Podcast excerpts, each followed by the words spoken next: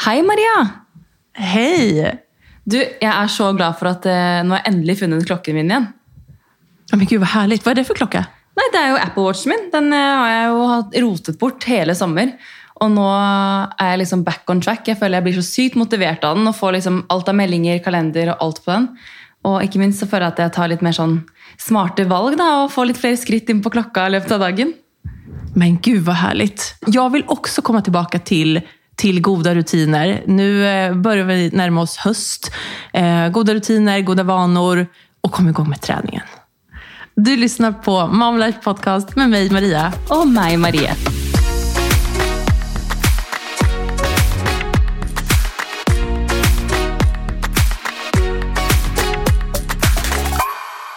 Ok, Dagens gjest hun er personlig trener, redaktør i Norges største treningsmagasin, og er nå også mamma.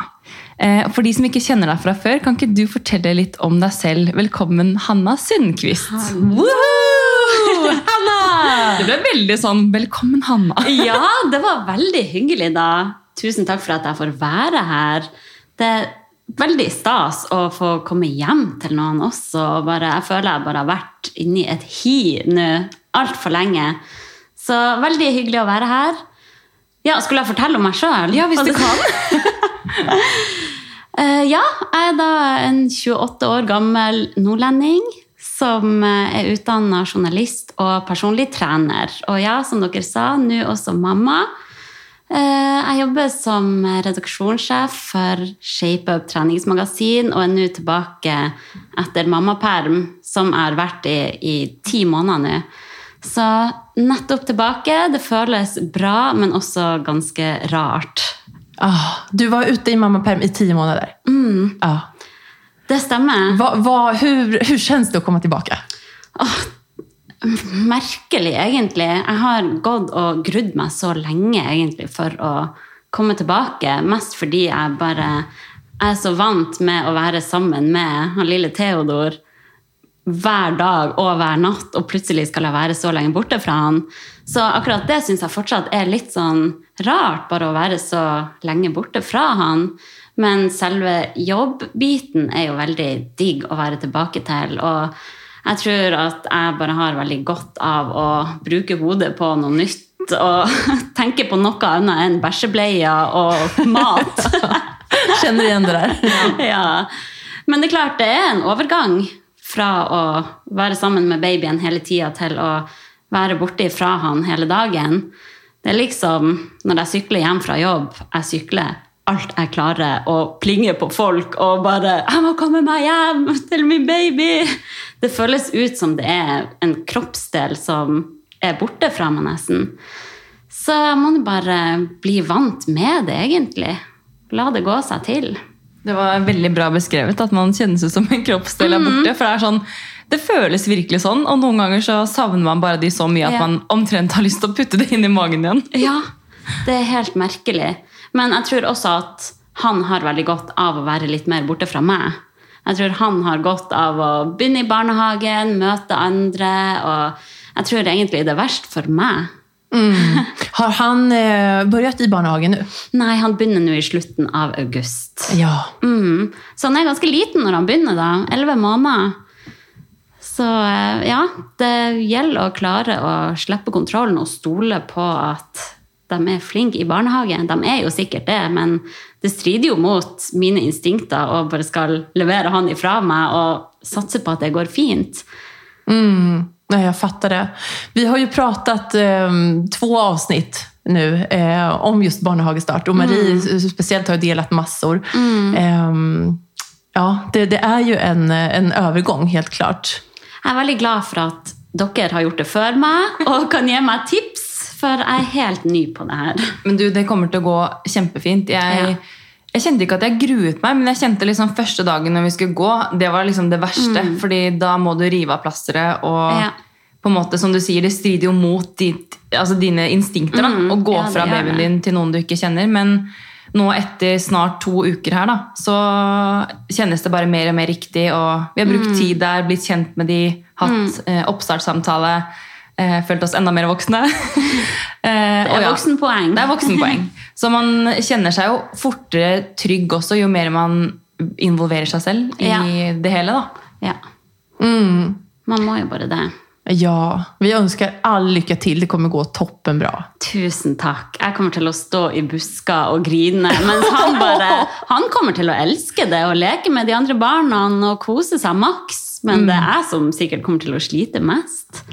Ja. Men eh, det blir nok bra. ja. Men du, hur, eh, hur var din eh, graviditet? Oi, oi, oi. Det var en berg-og-dal-bane. Det var jo ikke helt planlagt å bli gravid da jeg ble det. Man skulle jo tro at man vet hva man driver med, men tydeligvis ikke. Ikke alltid. Så ja, det var et sjokk å finne ut at jeg var gravid. Jeg hadde gått på p-pille altså, siden jeg var 16 år, og folk sier jo at hvis man vil prøve å bli gravid, så må man gå en stund uten prevensjon. Jeg hadde kanskje gått altså, typ tre dager uten å ta p-piller, så jeg tenkte at jeg var safe. Men nei. Det var Så, det lille eh, smutthullet. Så eh, ja, selve graviditeten var ganske krevende, egentlig. Fordi det var en såpass stor omstilling for meg å forberede meg på et helt nytt liv, en helt ny tilværelse. Ja. Men eh, jeg er veldig glad for det nå, da. Hur modde du? Altså hvordan formen var. Eh, Jeg har jo ingenting å sammenligne med. Det er klart, Kroppen er jo i en unntakstilstand. Så jeg syns jo at det var tungt, jeg var kvalm og sliten. Og, men jeg tenkte egentlig bare at ja, ja, det hører med en graviditet og føle meg sånn.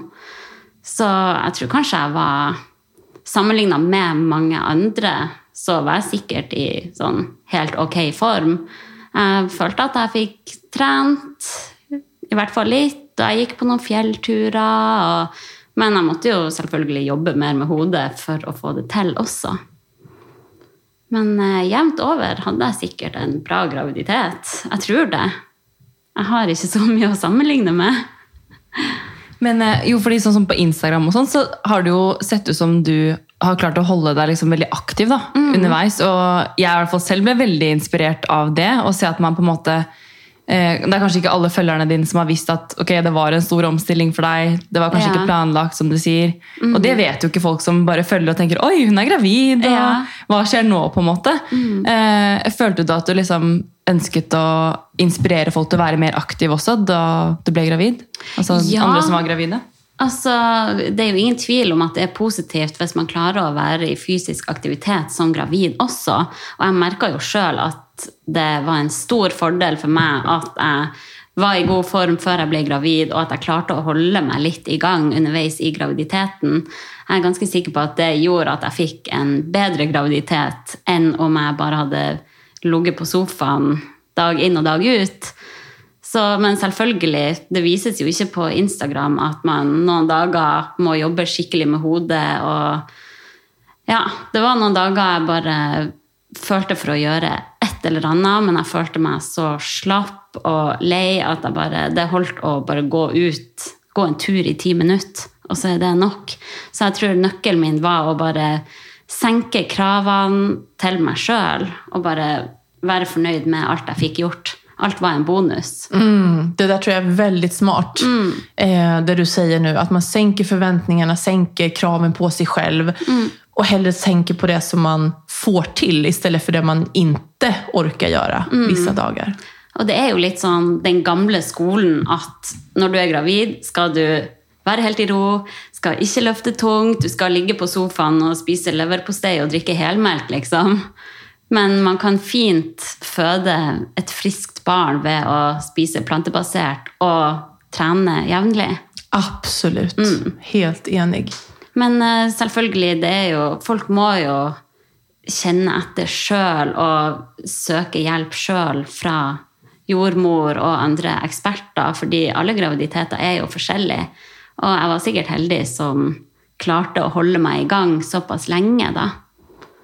Hvor, hvor lenge trente du frem mot fødsel? Altså, Man må kanskje skille litt mellom trening og aktivitet. Jeg gikk jo tur og sånn helt frem til fødsel, men jeg hadde ikke de tøffeste crossfit-øktene rett før.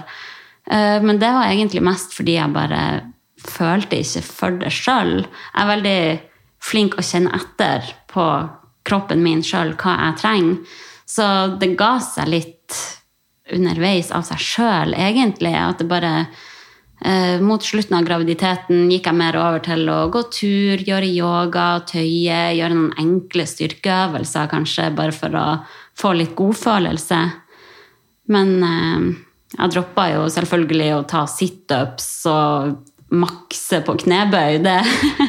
Men det er jo sikkert kroppen som eh, sier ifra. Det er jo kjempebra at du klarer å lytte til kroppen også. Og, og på en måte bare ok, nå skal jeg roe ned, men jeg kan fortsatt holde meg i aktivitet. da, For det gjør at jeg føler meg bra. Ja, jeg følte egentlig at kroppen bare sa ifra når jeg skulle bevege meg, og når jeg skulle holde meg i ro. Men eh, ja, man må jo lære seg å kjenne etter sjøl, da. Og det er jo ikke alle det er like enkelt for. Nei, så klart. Hur var din förlossning? Smertefull! altså, fødsel er brutale greier. Oh my god. Jeg fikk helt sjokk. Jeg hadde veldig den innstillinga at herregud, tenk på alle som har gjort det før meg. Min kropp er skapt for å føde. Hvor ondt kan det være? liksom? Jeg ser på meg sjøl som en person som har ganske høy smerteterskel. Men eh, altså, oh my god. Det var Jeg kjenner meg igjen i det du så sier. vondt. Ja, samme här. Jag minns att jag låg och tänkte på att Beyoncé har gjort det här, Beyoncé har Ja. gjort det här. Kan hun, kan jag? Og jeg tenkte sånn Hallo, folk er født i huler. Ja. Dette uten epidural, uten noen ting. Ja, ja. Folk født, altså, sto på knærne, tok imot sin egen unge. liksom. Jeg skjønner ikke hvordan det går an. Mm, nej, men, och gör fortfarande, Tenk alle länder som det er så i. Altså, Ja. Vi är så, har det jo så bra på det sättet, så trygt. Ja, nei, helt vilt vondt. Ehm, jeg syns det mest utmattende var egentlig at jeg ikke visste når det kom til å ta slutt. Jeg tenkte sånn Ok, den smerten her kommer det til å bli verre. Kommer det til å holde på i en time til? Kommer det til å holde på i to døgn til? Man vet ingenting. Og epiduralen funka ikke på meg. Eh, Så det var en intens fødsel på ca. 24 timer. Men hvordan begynte fødselen? Eh, Det begynte med bare sånn murring nederst i magen. Det her skjedde jo i uke 37, så det var egentlig litt sånn sjokk. Jeg hadde bare handla inn taco og skulle slappe av og kose oss og se en film. Eh, Men så bare murra det mer og mer i magen, og så tok det seg opp. Det var litt etter boka, egentlig. Sånn, ok, det her er noe annet enn sånn skyndere. Det her begynner å bli regelmessig. Det, ja, det gjør ondere og ondere. Det kan hende at det er noe på gang her. Men, men tenkte du at det var fødselen som kicket i gang? Ja, jeg tenkte egentlig det, for jeg var plaga med for høyt blodtrykk mot slutten. Eh, Så det var snakk om at de skulle finne en time for å sette meg i gang pga. mitt høye blodtrykk. Men vi rakk aldri det, da. Så eh, tanken slo meg jo at ok, nå er det kroppen som bare ordner opp. Nå skjer det. Blodtrykket er for høyt. Barnet må ut. Gud vad sjukt. Jag har ju exakt samma story. Ah, också är det sant? född, ja, mitt första barn födde också vecka 37 på grund av högt blodtryck. Jag skulle Wow. bli igångsatt, födde naturligt dagen innan igångsättningen. Oh my god! det ja, det er jo helt vilt. Ja, for jeg hadde også fått dato for igangsetting dagen etter det skjedde. Så det var egentlig en lettelse å slippe hele den prosessen med å bli satt i gang. Eh, Men det er klart, det var noen runder inn på Ullevål der kjæresten min måtte vente utfor pga. korona, og inn der i kø og sjekke åpning. Eh, Og åpninga var for liten, måtte tilbake igjen. Måtte reise hjem, og så gikk vannet mens jeg var hjemme, og så måtte vi dra tilbake. Ja, Altså, De rundene der. Hvordan var det å sitte i bilen med rier? Helt grusomt. Ja. Fall sånn frem minste og- hump. Men vi bodde heldigvis veldig nært Ullevål sykehus da. Men eh, ja, det var intenst. Jeg vet ikke helt eh, hvordan ellers jeg kan beskrive den fødselen som at det bare Ja, det er det sykeste jeg har vært med på i hele mitt liv. Men du sa at epidu- epiduralen ikke fungerade. Nei, hva, ingenting. Hva skjedde der? Nei, jeg var jo helt eh, desperat og bare 'Jeg må ha smertestillende, gi meg hva dere har.' Men eh, de satt epidural på epidural. Jeg merka ingen forskjell. Så jeg skjønner ikke helt hva som skjedde, egentlig. men de sa jo etterpå at ja, du har født helt uten bedøvelse, du. Så ja, jeg vet ikke. Kanskje bare min kropp ikke er mottakelig for epidural. Who Jeg får helt sånn gåsehud. Jeg bare Gi meg noe! Og så bare Ja. ligger man der og bare Kan jeg bare få noe? Helt desperat. Ja, nei, det var smertefullt, men eh, Du fikk det til. det gikk til slutt. I det øyeblikket han var ute, og all smerten bare slapp. Det var jo helt fantastisk. At de da må drive og sy og styre der nede etterpå, det er sånn barnemat. Ja. Nei, så det var vilt, men det er klart det er jo Hvis jeg hadde visst hvor krevende både fødsel og barseltida etterpå, hvor krevende det kom til å bli, så hadde jeg jo grudd meg mye mer. Så jeg er egentlig glad for at jeg ikke visste det. For det å komme i gang med amming, og jeg trengte masse hjelp for å få det til. Det var jo, De to første nettene besto bare av hylgråt. Han var sulten, amma som en gal, og det kom ingenting. og ja. Var du alene på sykehuset da? Eller var du... Nei. Nei. Heldigvis fikk kjæresten min lov å være med på det barselhotellet. Altså, Jeg vet ikke hvordan det skulle ha gått hvis jeg skulle ha vært helt alene med det. Men Fø- eh, Følte du at du fikk god hjelp da, til å Ja. måte, komme i gang med amming? Og... jeg gjorde det. De har et sånn fast oppsett, eller et fast regime man må følge, som var sånn hver andre time gjennom hele døgnet. 15 minutter på hver pupp, 15 minutter pumping pluss morsmelkerstatning. Og så sakte, men sikkert så fikk jeg ut noen gule dråper av puppene etter hvert. Det er sykt, det Men, greiene der, altså. Ja, men jeg er ganske sikker på at hvis jeg aldri hadde fått den hjelpa, så hadde jeg aldri klart å amme. Så ja. Nei, det var intenst. Hur var første tiden hjemme? Det var også intenst, altoppslukende. Altså, jeg vet ikke helt hvordan jeg kan beskrive det.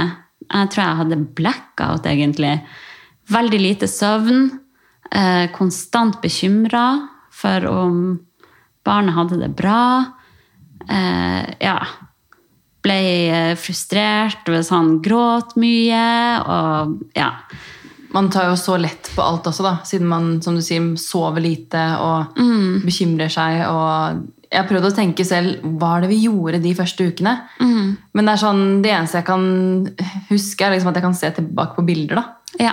Og se noen ting, liksom. Ellers så var det jo sove på skift, eh, så man fikk Mm. hente seg litt inn. Én var våken for å passe på. Ja. En tok seg en dusj. Altså, ja, Man var helt, helt i Det er helt unntakstilstand. Men jeg tenker sånn, hvis jeg skal gjøre det på nytt, så skal jeg tillate meg å gå enda mer inn i den bobla. For jeg var jo også veldig gira på å vise fram babyen til venninne, gå ut på kafé, komme meg ut på trilleturer, få besøk av familie. Men sånn sett i ettertid så var det mye mer stress enn det, det ga energi, da. Man vet jo ikke helt hva man går til. Nei. Det er det som er, og hva man kan forvente seg av denne tiden. og man, kanskje, man, man har forventninger på hvordan det skal være, hvordan man vill ha det. Eh, men så kanske inte det alltid överstämmer med verkligheten. Och så kan det bli svårt att acceptera. Ja. Så det är, eh, det är mycket att tänka på den där första tiden. Og barseltårer. De sa liksom på Ullevål at ja, det kan hende du får litt sånn barseltårer. Ok. Og så kommer jeg hjem og bare lå i senga og gråt og gråt helt ustoppelig.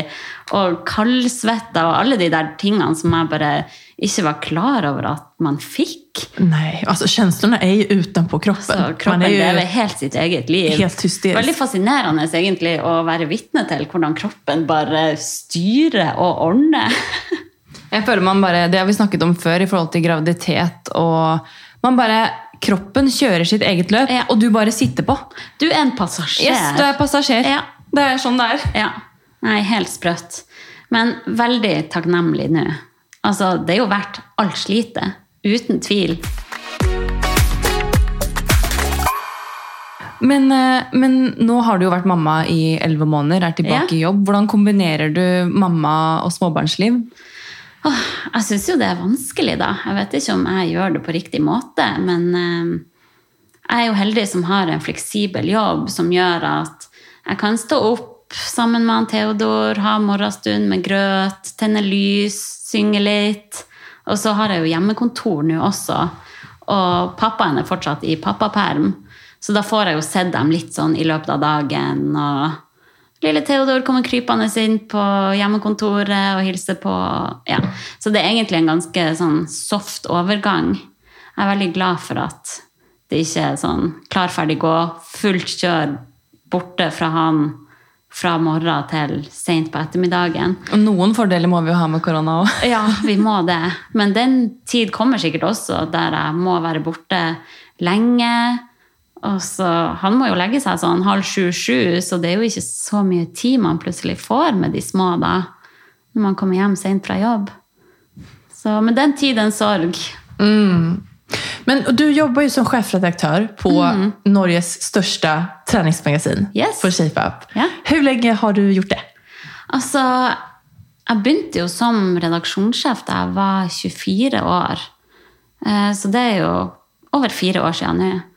Eh, Før det så jobba jeg som frilansjournalist og leverte faste saker til ShapeUp. Og da var jeg jo veldig sånn, så skikkelig opp til redaksjonen i ShapeUp, og min store drøm var å få lov å jobbe for ShapeUp.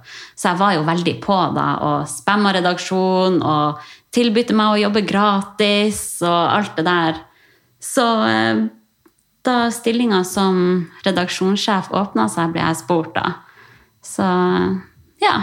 Så Der har jeg vært siden. Oh. Så jeg er veldig glad i den jobben, siden jeg også er personlig trener. Så jeg føler at jeg klarer å kombinere journalistikkutdannelsen med personlig trenerutdannelsen.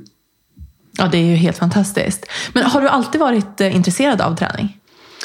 Altså, ikke alltid, egentlig. Jeg var egentlig sånn den kiden på skolen som var redd for ball, i kanonball og fotball, og ble valgt sist på, på fotballaget og sånn, og ødela for resten.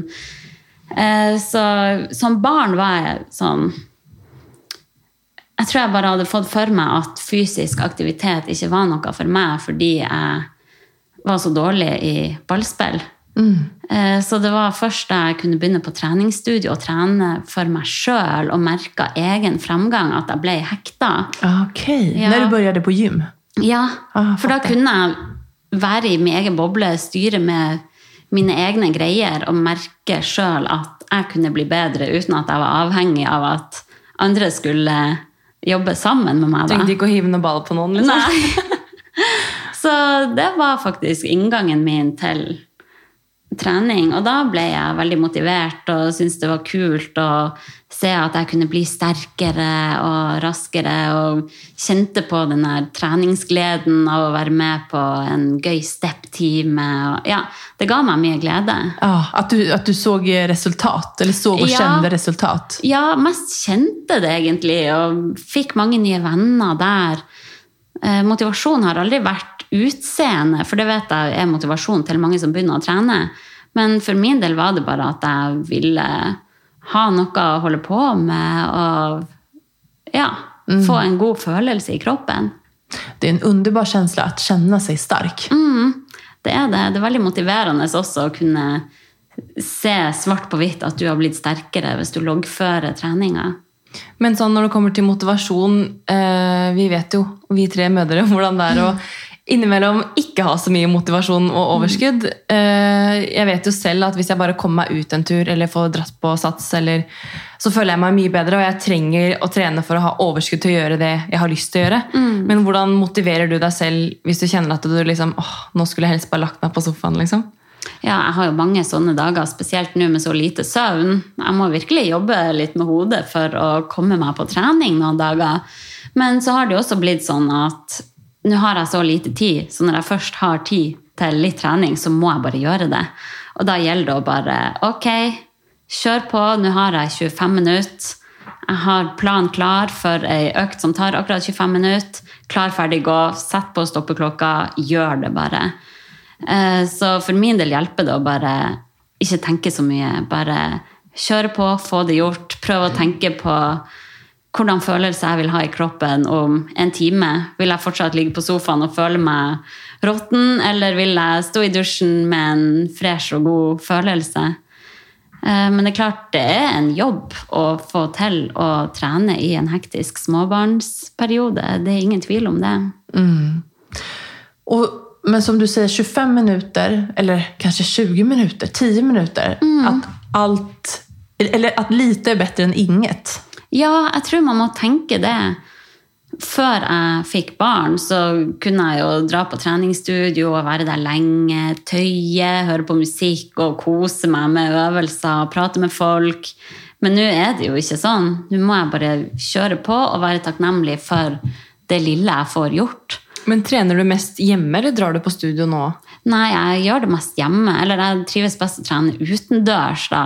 Så kanskje på takterrassen, eller bare i hagen, eller Ja, kanskje jogger jeg til en tuftepark og gjør noen øvelser der, f.eks. Så du får på en måte kommet deg litt ut også, Ja. og bort fra på en måte eh, ja, Hvis du sitter hjemme på hjemmekontor og man er mye hjemme generelt, så er det godt å bare komme seg litt ut. da. Ja, det er det. Veldig. Og så har jeg joggevogn også, da. Så da tar han noen joggeturer mens han skal sove. Og, og da er det jo ikke tid til å tenke sånn Tja, nei, skal jeg gidde? Nei, jeg drøyer det litt. Da er det sånn Ok, han skal sove nå. Kjør på. Ja. Men har du noen tips på hvordan man kommer inn i gode treningsrutiner etter efter en graviditet? Jeg tror nøkkelen er å senke krav og prøve å la være å sammenligne seg med alle andre. Man må tenke sjøl på hvorfor man sjøl ønsker å trene. Eh, Altfor mange trener for å se ut på en bestemt måte, men trening gir jo så enormt mange helseeffekter. Eh, Så vite hvorfor man burde trene, og egentlig bare ja, senke kravene, legge til rette, avklare på hjemmebane at trening er viktig for deg. Det mest demotiverende er jo hvis man får kommentarer på å, skal du trene nå igjen, hvis man sjøl prøver å jobbe med motivasjon. Så å avklare på hjemmebane at trening er viktig, nå drar jeg ut i 30 minutter og gjør det. Eh, Og så tror jeg det hjelper å ha noen korte, effektive økter på lur som du bare Når du først har tid, har du ei stoppeklokke, trykker start, og så kjører du gjennom et oppsett som du vet er effektivt og bra. da. Har du tips på noen enkel, effektiv trening? Det her som du beskriver nå. Ja. Har du noen enkle øvelser å dele med deg av? Altså, Å snakke om øvelser er jo litt vanskelig på podkast, når man ikke kan vise så mye. Eh, Men eh, man kommer veldig langt bare med egen kroppsvekt. Og selv om man er i god form, så kan man få ei skikkelig god økt bare med hjelp av seg sjøl. Så knebøy, hvis man er veldig sterk, så gjør man det på ett bein, eller legger til et hopp. Utfall, med eller uten hopp. Pushups, situps Ja, det er jo For det her er jo på en måte fine øvelser som de fleste vet hva er. Og Ja. man kan på en måte Ok, man må ut og trille i løpet av dagen, kanskje, da, hvis man er i permisjon eller sånn som jeg kommer og henter i barnehagen etterpå. Så er det egentlig bare å ta på seg en treningstights og tenke at ok, hun skal sove i en time og halvannen. Eh, da stikker jeg til Frognerparken, tar noe drag i bakken der med vogna. og det er liksom, Bare da får man jo litt ekstra trening med den vogna foran. Man gjør jo det. Mm, det er det med hverdagsmosjonen, at man får Ja. inn det også. Ja. For jeg merker jo, jeg trener jo mye mindre nå enn det jeg gjorde før jeg fikk barn. Men jeg har jo mer mer hverdagsaktivitet i løpet av dagen. Løfte rundt på eh, en ti kilo klump med menneske. Men eh, ja, Ja. Man, blir mye mer mot, altså man får mye mer aktivitet i hverdagen. Og det var det liksom litt tilbake til at jeg er så glad for at jeg har funnet Apple Watchen. fordi eh, denne uken her så er det sånn, Jeg har jo bil, kan egentlig kjøre hvor som helst. Men å kjøre i byen er for det første helt kaos. Men så ble jeg så my mye mer motivert til å gå. Eh, og, for jeg er egentlig ikke vant til å ha bil. Det er liksom min første bil nå, og jeg er 27 år, så jeg er egentlig vant til å gå eller ta trikk overalt. Eh, Men når jeg bare har på meg den, så er det sånn, å shit, 15 000, 16 000 skritt. Ja, jeg har egentlig ikke hatt noen sånn sjuk aktivitetsdag, egentlig. Det er egentlig ganske en vanlig dag. Men du har liksom fått inn at du har gått opp og ned til sentrum, eller litt ekstra trilletur, så blir man liksom motivert til å holde seg mer aktiv, da. Det er veldig motiverende å kunne tracke hverdagsaktivitet, og spesielt med barn hvis man er på lekeplass og bærer han rundt her og der, leker fly med han. og ja, Man skal virkelig ikke undervurdere hverdagsaktivitet. Altså, jeg, tror, jeg har aldri vært så sterk i armene som jeg er nå. på at av bærer to bär två barn. Ja, ja, ja. Det er tungt, altså. Eh, vi pratet jo litt om sömn snabbt. mm. Hvordan sover du på nettene? Åh, burde jo selvfølgelig ha sovet enda mer. Det er sånn, Jeg prøver å bare unngå podkast og alt sånt der de snakker om hvor viktig det er med nok søvn. For jeg får ikke nok søvn, og det vet jeg, men jeg prøver å bare finne meg i at det her er en fase som kommer til å gå over. Men det er mye bedre nå enn det det var for bare noen måneder siden. Eh, ja, og meg og min samboer er veldig flink på å unne hverandre søvn, så vi prøver å bytte på å ta nattskiftet og, og stå opp med han og sånn. Så ja, men eh, kunne sikkert ha hatt mer søvn, ja. Men før hun sover Theodor på nettene? Egentlig ganske bra. Han kan legge seg sånn i sjutida og sove til seks igjen. Halv seks, seks. Eh, Men det gjelder jo da å være flink og legge seg sjøl. Jeg er ikke alltid like god på det, men heldigvis er min kjæreste veldig sånn Nå skal vi legge oss. Kom igjen. Ok, da. Jeg vil helst se en episode til, men ok, la gå, greit. Så nøkkelen er jo å bare få lagt seg tidlig, egentlig. Og det kan være så svårt ibland. Ja, det kan det. Og det å måtte sove på kommando også. Hvis jeg er oppe med han Theodor på natta, og så sovner han igjen, og så er det sånn Ok, nå sover han. Jeg må òg sove nå. Da, det er vanskelig å skulle bare tvinge seg sjøl til å sove når man vet at man må. Så jeg er nok ingen eh, ekspert på det området. Jeg trenger tips og hjelp sjøl til å få mer søvn. Altså, Vi har begynt å legge oss sånn ni, vi. Og det er helt Ja. sykt deilig. Det er sånn, eh, Hvis jeg ikke legger meg ni, så merker jeg at jeg, i dag kjente jeg meg fyllesyk. liksom. Ja. For at jeg la meg mye senere i går. Jeg kom hjem fra et event, jeg hadde kjørt, så jeg hadde ikke drukket noe. Men jeg var jo rundt folk som hadde drukket. Eh, og det var helt sånn rart da jeg kom hjem. Jeg bare, herregud, jeg føler liksom at jeg har drukket, selv om jeg ikke har det. Uh, og går og legger meg, da, da er det jo For det første så er det jo helt mørkt i hele leiligheten jeg kommer hjem. Da er klokka ti. Så jeg er Ja. sånn, shit, mye har skjedd på et år. liksom. Vanligvis har vi lagt oss ved midnatt, og det har vært grei tid. Ja. Nå er det sånn ti, og samboeren min er sånn Ja, kommer du snart hjem, eller? Akkurat samme situasjon her. Og mitt problem er jo at alle mine venner er jo eh, uten barn og har en helt annen døgnrytme. Så hvis jeg skal henge med dem også, så må alltid jeg være den kjipe som er sånn Ok, shit, klokka er faktisk halv ti. Jeg må dra. Og da har jo kvelden så vidt begynt for dem. Så, men sånn har det blitt. Man må prioritere søvn for å klare å få det til å gå rundt også. Ja. Ja, jeg er helt enig. Og det er litt sånn derre kan godt, Jeg kan godt liksom en gang iblant sitte litt senere. Jeg, I kveld skal jeg ut med noen venninner fra barselgruppa mi. faktisk. Eh, første gang vi endelig har fått til alle fire å møtes en kveld. det er ikke så lett. Men eh, Det blir veldig hyggelig. Men da er det sånn I kveld føler jeg kan ofre liksom, at det blir litt senere. Men det er ikke liksom hver dag man har lyst til det, eller har mulighet til det, fordi man vet at man har fullt opplegg dagen etter, eller man vil rett og slett ikke være så lite opplagt. da. Nei, det er prioritering. Man må liksom velge enten sosialt eller søvn. Så nei, det er nok lurt å ta noen kvelder der man kan unne seg å være sosial, men eh, hvis det blir for mange, så da går jeg i bakken. Mm. Man får hitta balansen. ja, man må det. En gang iblant så kan man ta seg en liten Kan mor dra på vift, men eh, ellers Ja, er det greit. Ja, det er jo viktig, det, det er det. Man må liksom Jeg vet ikke. Ja, den balansen der eh, Jeg liker å legge meg tidlig, men sånn som i kveld, nå kjenner jeg gleder meg liksom til å dra ut med venninner og sitte og skravle. Og ok, hvis det blir litt sent, så går det fint, på en måte. Mm. Ja. For da får jeg være litt trøtt i morgen og legge meg Ja. tidlig. Noen ganger er det verdt en trøtt dag Ja. dagen derpå. Men du, vi har jo eh, fått inn en del spørsmål også fra lytterne våre. Ja, Um, skal jeg bare kicke i gang? gjør det. Det er noen som spør om em, tips til sånn enkle måltider. Eh, når man har liksom dårlig tid, f.eks. lavt blodsukker, om å ha noe raskt på farta. Da. Har Mm. du noen tips til hva man kan spise? Jeg er jo egentlig Jeg er så enkel på det. Det er liksom Why change a winning game? Hos meg går det i banan, peanøttsmør. Ja, jeg kan faktisk finne på å stå ved benken og putte banan oppi Nugatti og peanøttsmør og spise. Låter så godt. Nydelig. Og så, nei, kjapp mat på farta, det, jo, det går jo mye i frukt og nøtter, da. Som bare holder blodsukkeret oppe. Ellers er det jo polarbrød, brødskive med grønnsakspostei. Ja, for du spiser plantebasert? ja, stort sett. Altså ingen kjøtt, men litt meieriprodukter her og der, da. Mm, mm, så fint.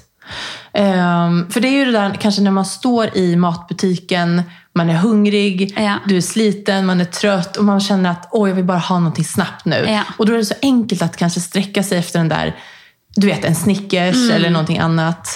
Men då, det är då det gäller då att man tar en banan istället, eller? Ja, kanskje. Alltså, jeg er jo ikke riktig person å spørre, egentlig. For jeg er jo den som fort unner meg en Snickers hvis jeg har lyst på det.